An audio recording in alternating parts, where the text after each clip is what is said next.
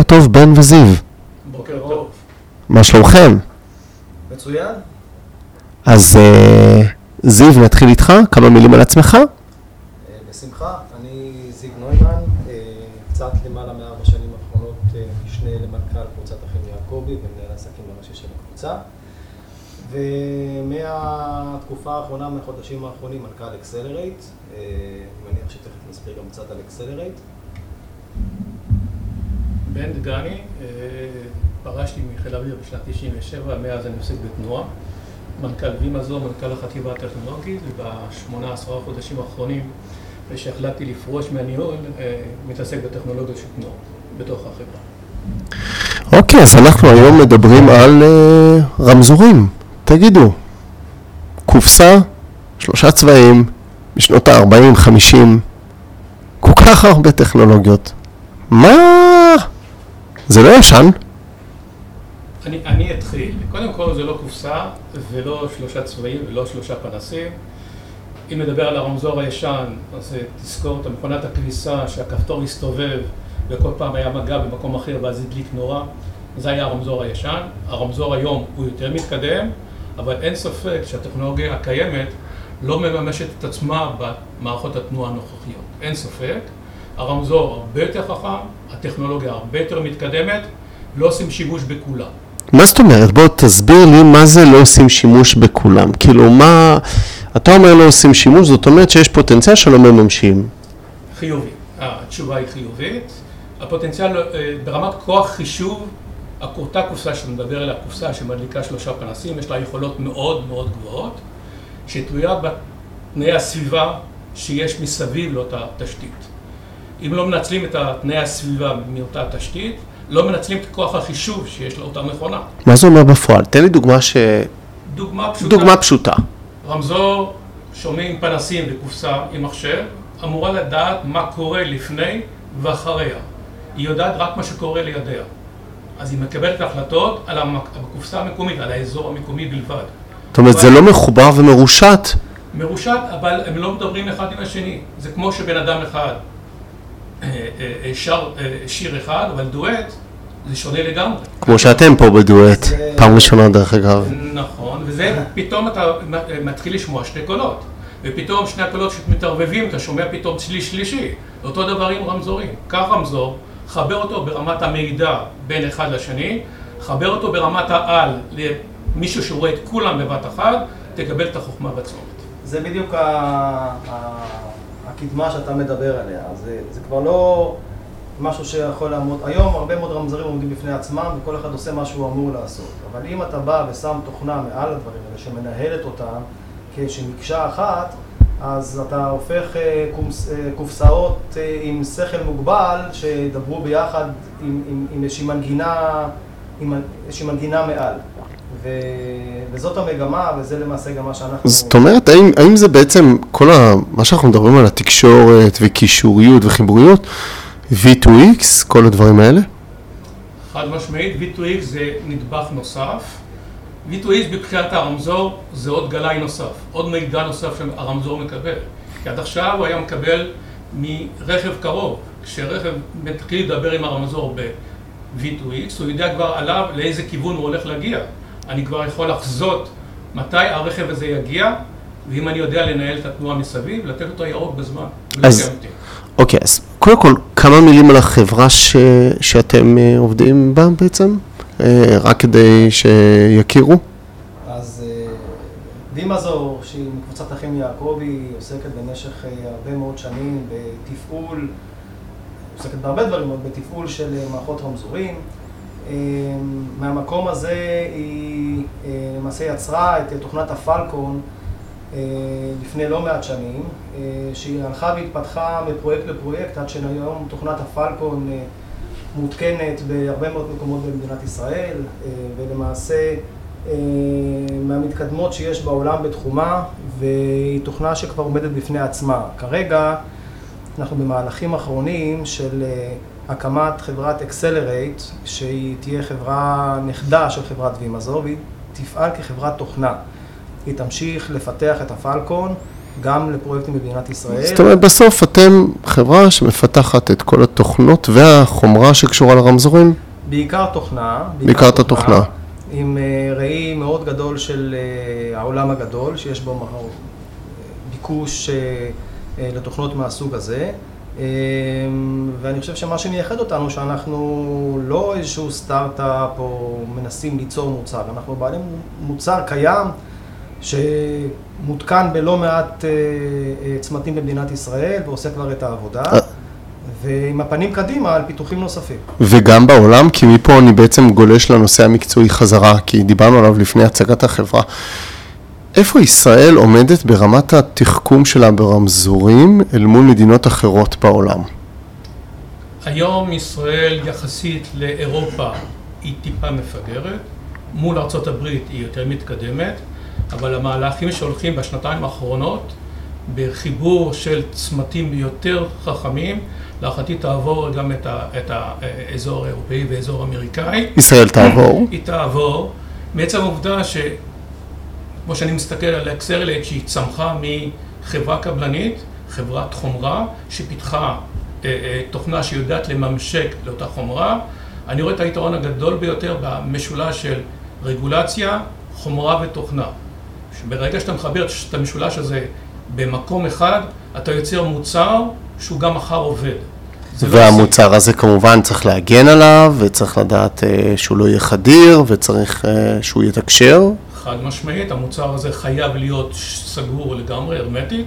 אפשר בכמה רמות, תלוי ברגולציה באותו המקום או דרישות הלקוח.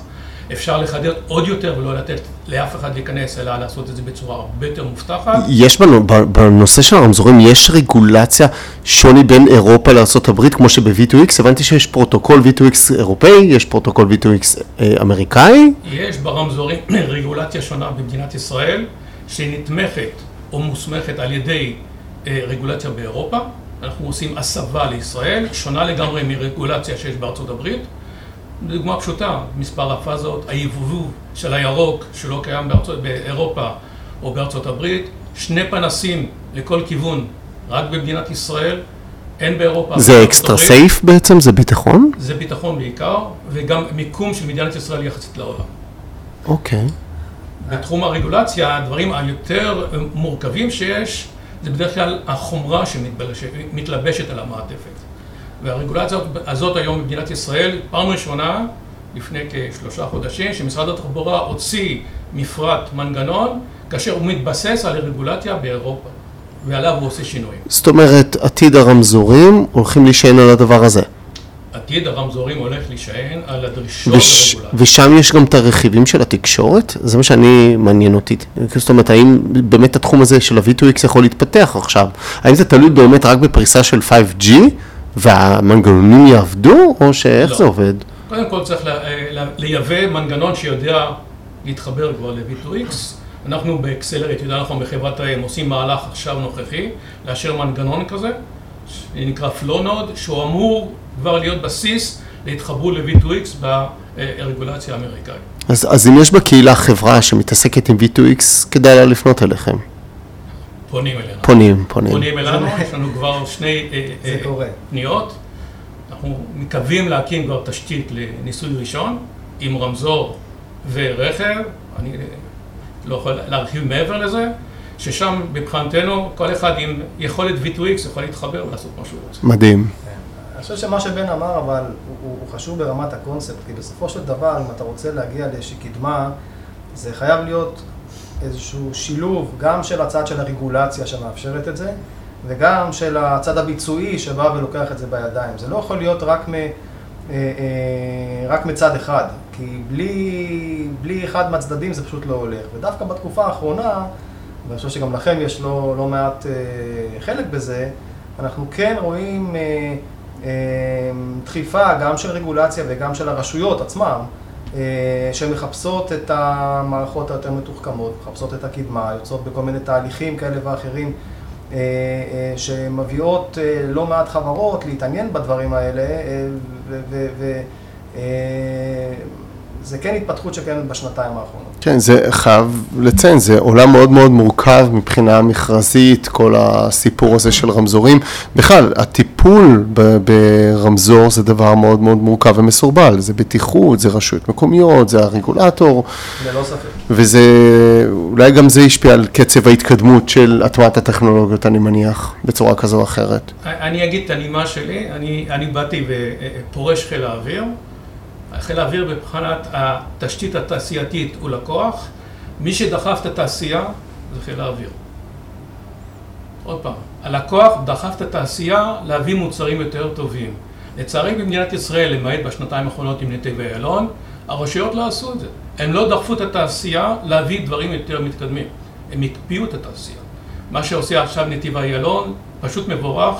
אני יושב מהצד ואומר כמה הם מסוגלים להוציא במכה אחת, והם מוציאים.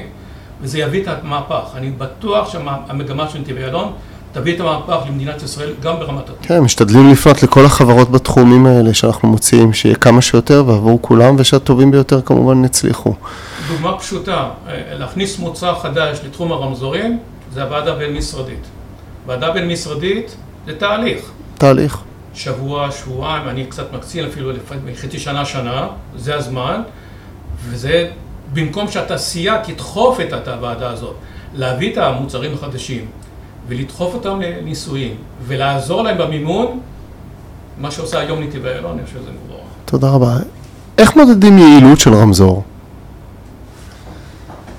אני אענה.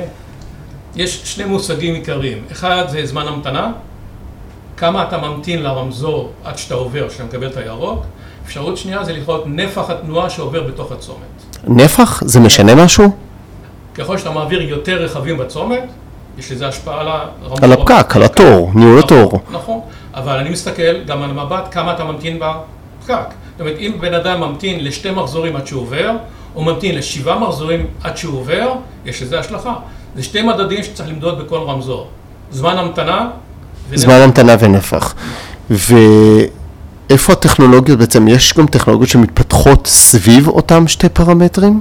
חד משמעית. יש ניסוי שבוצע על ידי וימזור בצומת הטייסים בנתיבי הישראל, שבו הכנסנו אלגוריתמים שמודד את הדרישה של כל נתיב ונתיב ומזיז זמנים שלא נדרשים לזמנים של פאזות נדרשות, בערך בשישה, שבעה, שמונה מחזורים הוא ייצב את הצומת.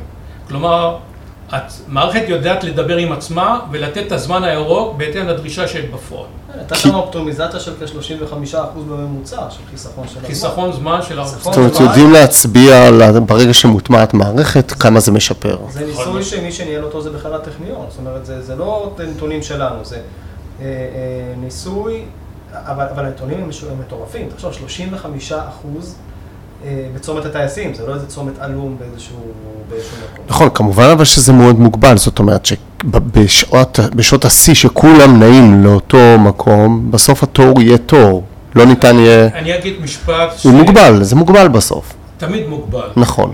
מדברים על רמזור, בדרך כלל על רמזור ברוויה. זאת אומרת, הוא, הוא מעביר מקסימום שהוא מעביר. אני טוען שבהיבט הנדסת התנועה, כשאתה משתמש באלגוריתם הנכון, אתה פותר את בעיית הרוויה בצומת. כשאתה אומר אתה פותר את בעיית הרוויה בצומת, זאת אומרת אתה מאזן את הצומת לתת את התפוקה המקסימלית מבלי לפגוע בצרכנים השונים שיש. אוקיי. ה- צריכים לזכור שבסך הכל אה, הטיפול במערכות הרמזורים הוא נדבך אחד שקשור לגודש תנועה, הוא לא הנדבך היחיד. זה לא שאם עכשיו תגיע לאופטימיזציה מלאה, אפילו בתיאוריה של כל מערכות הרמזורים, אז לא יהיה יותר גודש תנועה. זה גם תלוי הרבה מאוד בתשתית ובהרבה מאוד דברים אחרים. הולכי רגל, הולכי רגל, ודאי. בטיחות. כן. אבל יש לנו מרחק רב מאוד עד שנגיע לאותה אופטימיזציה במערכות הרמזורים, שעל זה אנחנו מדברים כרגע. אוקיי, לאן זה הולך בעולם? יושבים עכשיו שש חברות שונות, אחת בסינגפור, ארה"ב, אירופה, מקבילות שלכם. לאן זה הולך בכלל? רמזורים יהיו בעתיד? רכבים מדברים עם רכבים? כאילו ברגע ש-V2X ייכנס והתקשורת היא תהיה גם עם רכבים, יכול להיות שאחרי זה צריך רק רכבים לרכבים? אני אישית טוען שלא, אולי לא יהיה פנס, אולי לא יהיה עמוד, אולי לא תהיה קופסה לצומת, אבל מידע על הצומת, יהיה צ'יפ, אתה אומר יהיה SIM card? יהיה צ'יפ, אבל המידע יגיע, אם מי שמכירים מטוסי קרב, שכל המידע נמצא על ה HUD, על התצוגה העילית, יופיע על חלון הרכב. כל המידע שהוא צריך. לצורך זה חייב עדיין ממשק תשתית רכב. חייב להיות. זה, אבל אני חושב שהרמזורים עוד ילוו אותנו זמן רב, אה, והעולם הזה שבסופו של דבר, גם הפנס יעלה וגם הקופסה תיעלם, זה, זה יקרה, אבל יש עוד הרבה מאוד זמן עד שהדבר הזה יקרה. בשנים שכולנו אה, עוד נכנסים לרכב ונוהגים, כנראה שעדיין יהיו רמזורים, אה, ובסופו של דבר באמת אותה מגמה שלא להסתכל, שבן התחיל ממנה, שלא להסתכל על הרמזור כקופסה שעומדת בפני עצמה, אלא על מערכת עירונית, מטרופולינית, שעובדת ביחד, זה מה ש...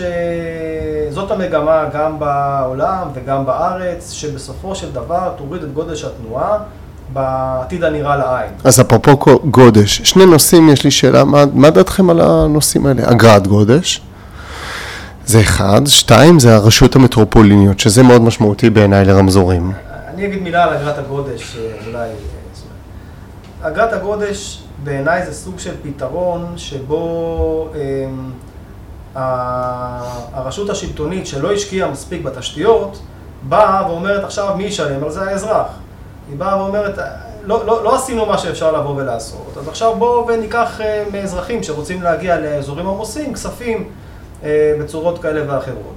עכשיו, אה, זה בעיניי פתרון, אבל במקביל לדבר הזה צריכים לבוא ולעודד אה, דווקא את הרשויות בלבוא ולהטמיע פרויקטים אה, אה, שיכולים להוריד את הגודש בעצמם. עכשיו, תן לי רגע לקחת דוגמה בכלל מעולם אחר, ש, ש, שלא קשור לעולם הזה, שבמשרד להגנת הסביבה רצה לעודד מיון של פסולת, אז הוא בא ואמר שכל עיר, הוא הוציא את זה, כל עיר שתצליח להוריד את, את שיעור ההטמנה ולהגביר את המיון, תקבל מענק. מי שקבל את המענק זה גם העיר עצמה וגם אותו גורם שממיין. גם פה אני חושב ששימוש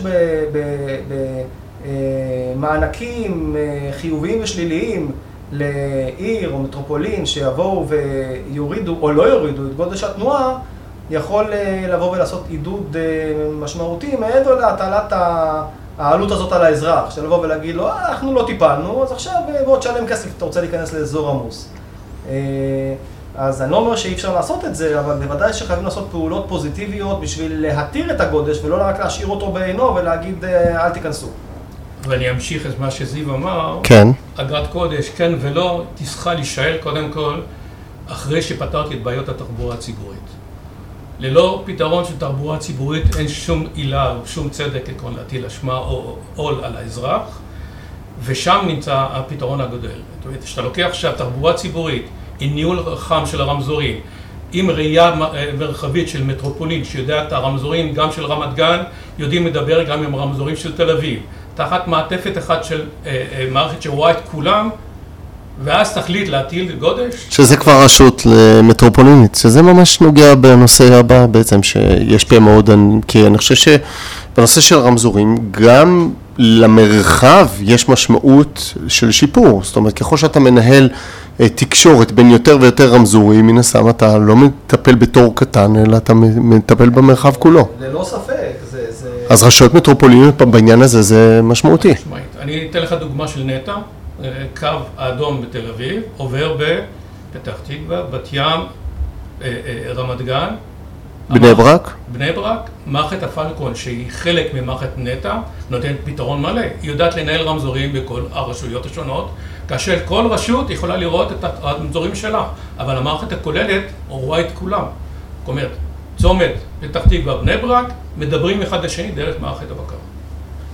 אין ספק שלהגיע לאופטימיזציה, אתה צריך לפרוס את זה על פני אה, אה, שטח יותר גדול ולטפל בנקודות ההשקה. וזה רק מערכת מטרופולינית, מטרופולינית יודעת לעשות. ואני חושב שהכיוון הזה בסך הכל הוא הכיוון הנכון. מה עוד אני לא יודע על רמזורים? מה, מה הקהילה צריכה לדעת? הקהילה שלנו, דרך אגב, שאתם חברים בה, אה, דוד שלא נמצא פה, הוא פעיל מאוד מאוד מאוד מאוד, ו...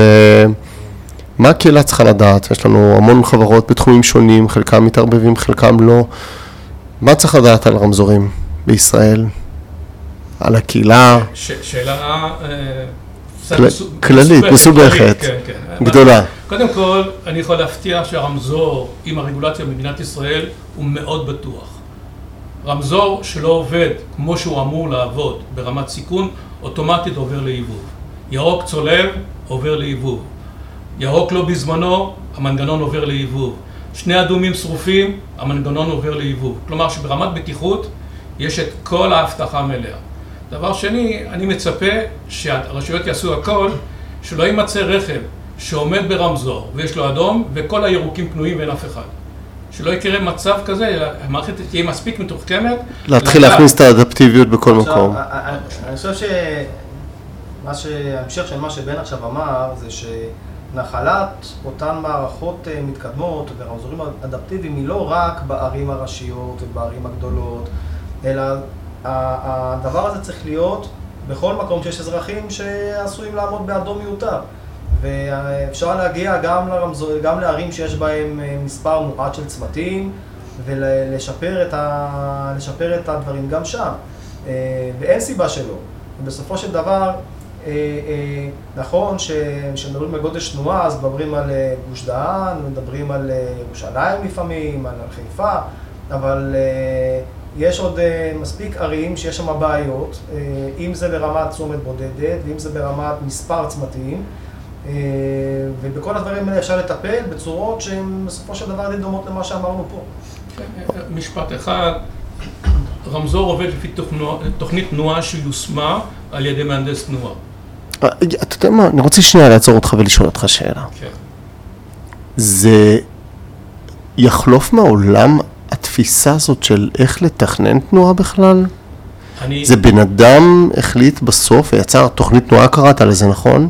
תוכנית תנועה נוצרת על ידי אדם שקיבל מדידות של דרישות של רכבים במהלך היום, אותם מבוגרים שיושבים על הכיסא וסופרים כמה רכבים עוברים בצומת בבוקר, בצהריים, בערב, אבל אם אני עושה תוכנית תנועה של ספירה מדויקת ככל שניתן, לא אבל. היא היום, מה יהיה מחר? רמזור אדפטיבי. רמזור אדפטיבי אומר אין לי תוכנית.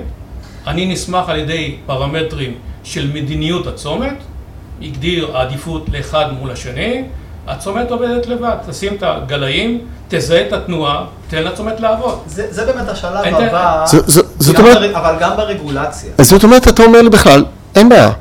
יצרתי עיר חדשה, בא בחור מאוד רציני, באמת, לא בציניות, ועשה תוכנית תנועה. זה אפילו לא משנה אם הטכנולוגיות אה, של היום, אם זה ישתנה, לא ישתנה, הטכנולוגיה תדע להתאים את עצמה ולשנות את תוכנית התנועה בעצם. אני, אני חייב לתת דוגמה מאוד, סליחה. או שזה היה מוקצן מדי. לא, לא, אני, חייב לתת דוגמה ש, ש, שמראה את, העוצמה של רמזור אדפטיבי. אוקיי. בסדר? רחובות, נעשה, ניסוי עם הרמזור אדפטיבי. בצומת שאחד היציאות שלה, אחת הגישות שלה זה בית העלמין. עכשיו, מי שבנה את התוכנית התנועה נתן זמן לבית העלמין, כמו שהוא מדד באמת, במהלך החודש.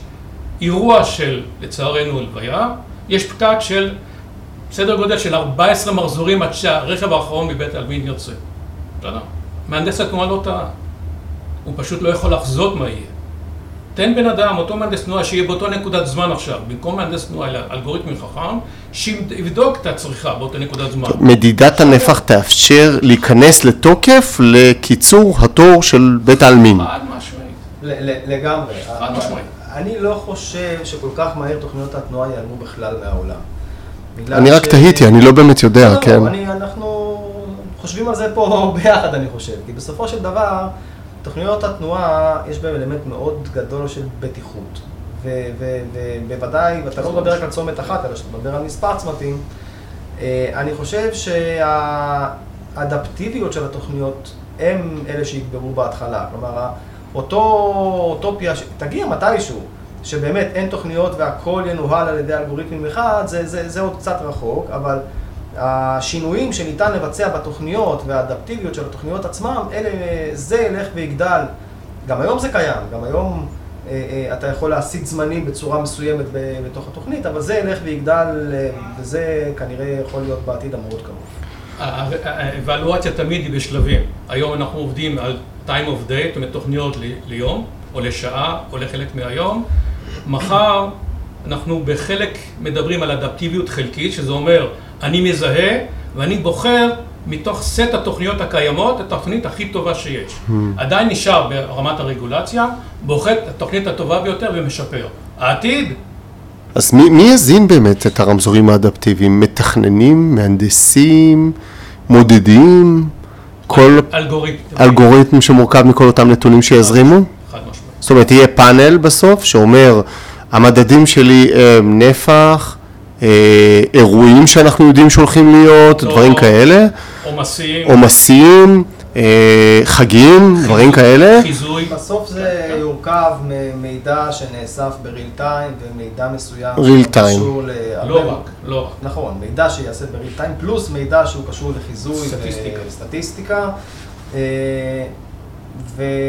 וזה יוכל, אבל, אבל, אבל עוד פעם, עד שבאמת לא יהיו תוכניות בכלל, ו-100% מ- מרשת רמזורים תהיה אדפטיבית, זה, זה, זה חזון, אבל, אבל זה לא קיים עדיין, זה לא קיים בשום מקום, ו, ו, וגם חברות שאומרות שיש להן פתרונות כאלה, זה לא חברות שמותקנות באמת בערים, זה אה, השלב, ה, אה, אותו ניסוי שבן דיבר עליו בצומת הטייסים, זה השלב הבא, של לקחת תוכניות תנועה, להסיט מה שניתן להסיט בזמני אה, בשביל באמת לעשות אופטימיזציה של צומת, ומשם לשלושה צמתים, ול- ולעיר ולמטרופולין שלמה. כן, ולאט לאט בעצם לחבר ולחבר ולחבר. כן. אוקיי. משהו לנושא של הקהילה, שיתוף פעולה עם חברות ישראליות, איך אתם חווים? אה, מן הסתם, ככל שהתחום התקשורתי יגבר, אז מן הסתם יש מקום לעוד יותר ויותר שיתופי פעולה, נכון? יש לכם מסר לקהילה שלנו, לקהילה הטכנולוגית? אני חייב להגיד קודם כל, שבאמת בתחום הזה, של תחבורה חכמה בכלל, אה, החברות הישראליות אה, תופסות מקום מאוד בולט בעולם.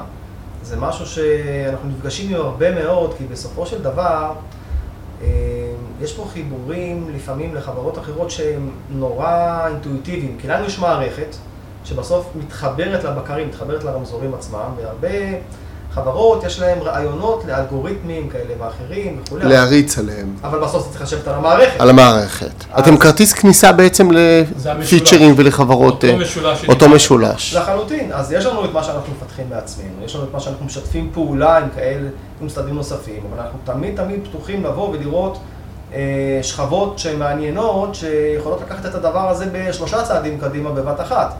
ו... ולנו זה אינטואיטיבי, כי לנו יש את המערכת ולהם יש משהו שלנו אין. אז, אז בסך הכל אני חושב שגם בארץ, אבל בכלל בעולם, אה, צמאים לטכנולוגיות כאלה. ויש לנו, יש לנו, לנו, לכם כחברה, לנו כישראל, גם בתחום הרמזורים יש לנו מה לספק לעולם, בשורות. לחלוטין. משמעית, חד לחלוטין. משמעית. ממש. אנחנו שחקן. אנחנו שחקן, אנחנו שחקן טוב, ואני חושב שהמוצרים שיש פה הם כאלה שיש להם דרישה אמיתית בעולם, ואנחנו גם רואים את זה שאנחנו מסתובבים, אז יש, תראו, תביאו, תראו שזה מעניין, כי הבעיה שיש פה היא לא ייחודית למדינת ישראל, היא קיימת ב, כמעט בכל עיר שקיימת, בה- שיש בעולם, והפתרונות האלה הם לא פתרונות שמותקנים בצורה רחבה בעולם.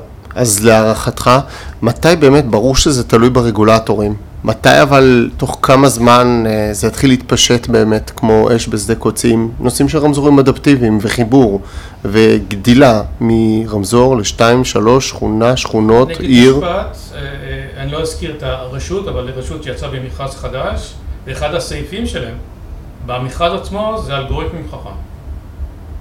עצם העובדה שיש כזה סעיף בתוך המכרז, יש דרישה כזאת, זה אומר שהם אה, רוצים לייצר הם את כבר התשתית, הם בפנים. הם כבר בפנים, והם יהיו הראשונים. כן. ואני חושב שבדבר הזה, כמו בהרבה דברים, שיש את הראשון, אז השני והשלישי באים הרבה יותר בקלות.